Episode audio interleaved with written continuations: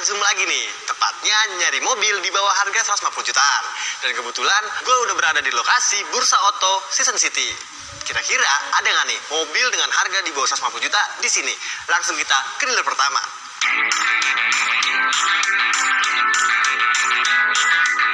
Dealer pertama yang gue sambangin yang terletak di paling pojok nih dan paling luas di antara dealer-dealer lainnya, yaitu